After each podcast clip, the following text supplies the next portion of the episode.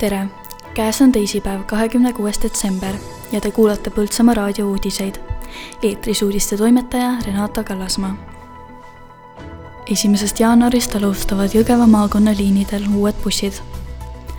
naiskodukaitse Põltsamaa jaoskond kutsub inimesi annetama küünlaid, küünlajuppe ja plekkpurke, et valmistada Ukrainasse saatmiseks kaevikuküünlaid Imavere kõrtsis toimub sel laupäeval aastalõpupidu, kus astub üles ansambel Eesti Kann ja Ron.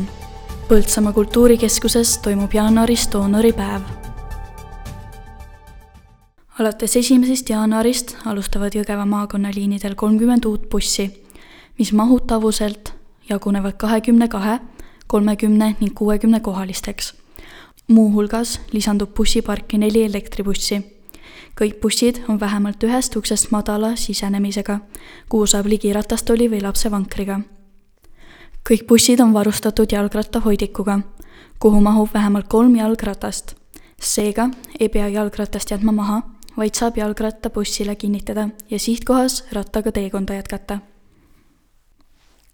naiskodukaitse Põltsamaa jaoskond kutsub inimesi annetama küünlaid, küünlajuppe ja plekkpurke et nendest valmistada Ukrainasse saatmiseks kaevikuküünlaid. kaevikuküünal põleb neli kuni viis tundi, annab valgust, aga ka sooja. Küünlal saab soojendada vett ja teha süüa. annetusi kogutakse Põltsamaa raamatukogus. räägib naiskodukaitsja Eveli Kirsipuu. Äh, eelmine aasta kogusime väga aktiivselt äh, küünlaid ja neid ümbriseid, kuhu küünlaid äh, valada, et need rindele saata ja inimesed tulid tegelikult väga aktiivselt sellega kaasa. Esimese portsu aitas meil rattapood koguda, et oli nõus nad seal vastu võtma ja edasi aitas meid raamatukogu, et igasse harukogusse sai viia küünlajuppe ja neid plekktopse. ja, ja ka see aasta me teeme raamatukoguga koostööd, et, et sinna on väga mugav äh, viia laupäeval, kolmekümnendal detsembril algusega kell kakskümmend kaks null null esineb Imavere kõrtsis muusikaline kooslus Eesti Kann ja Ron. pääsepeole maksab viisteist eurot. Kõik pileti ostnud saavad kaasa bändi plaadi. külalistele toimuvad loosimängud. ürituse info ja laudade ette tellime telefonil viis kuus kaheksa seitse kolm seitse üks viis või e-postil rrt at outlook.com. Põltsamaa kultuurikeskuses toimub neljapäeval, üheksateistkümnendal jaanuaril vahemikus kell kümme kuni üks doonoripäev. Sobiv doonor on terve, kaalub üle viiekümne kilogrammi ja on vanuses kaheksateist kuni kuuskümmend viis eluaastat. kolme tunni jooksul enne vere andmist tuleb süüa.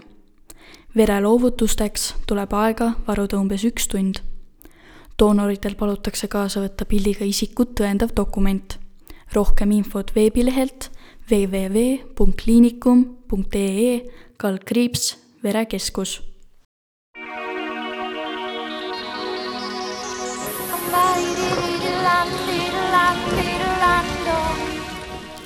Täna, kahekümne kuuendal detsembril on pilves selgimistega saartel muutliku pilvisusega ilm. ennelõunal sajab mitmel pool lund, saartel ka lörtsi. pärastlõunal sajud vähenevad paiguti tuiskab. puhub valdavalt lääne-edela tuul kaks kuni seitse, puhanguti kuni üksteist. saartel ja Liivi lahel enne lõunal kuni viisteist meetrit sekundis. õhtul tekib mitmel pool jäidet. teedel on libedusoht. Keskpäevaks on õhutemperatuur Jõhvis ja Põltsamaal miinus kolm, Tallinnas, Võrus ja Raplas miinus kaks, Viljandis miinus üks külmakraadi, saartel pluss kolm soojakraadi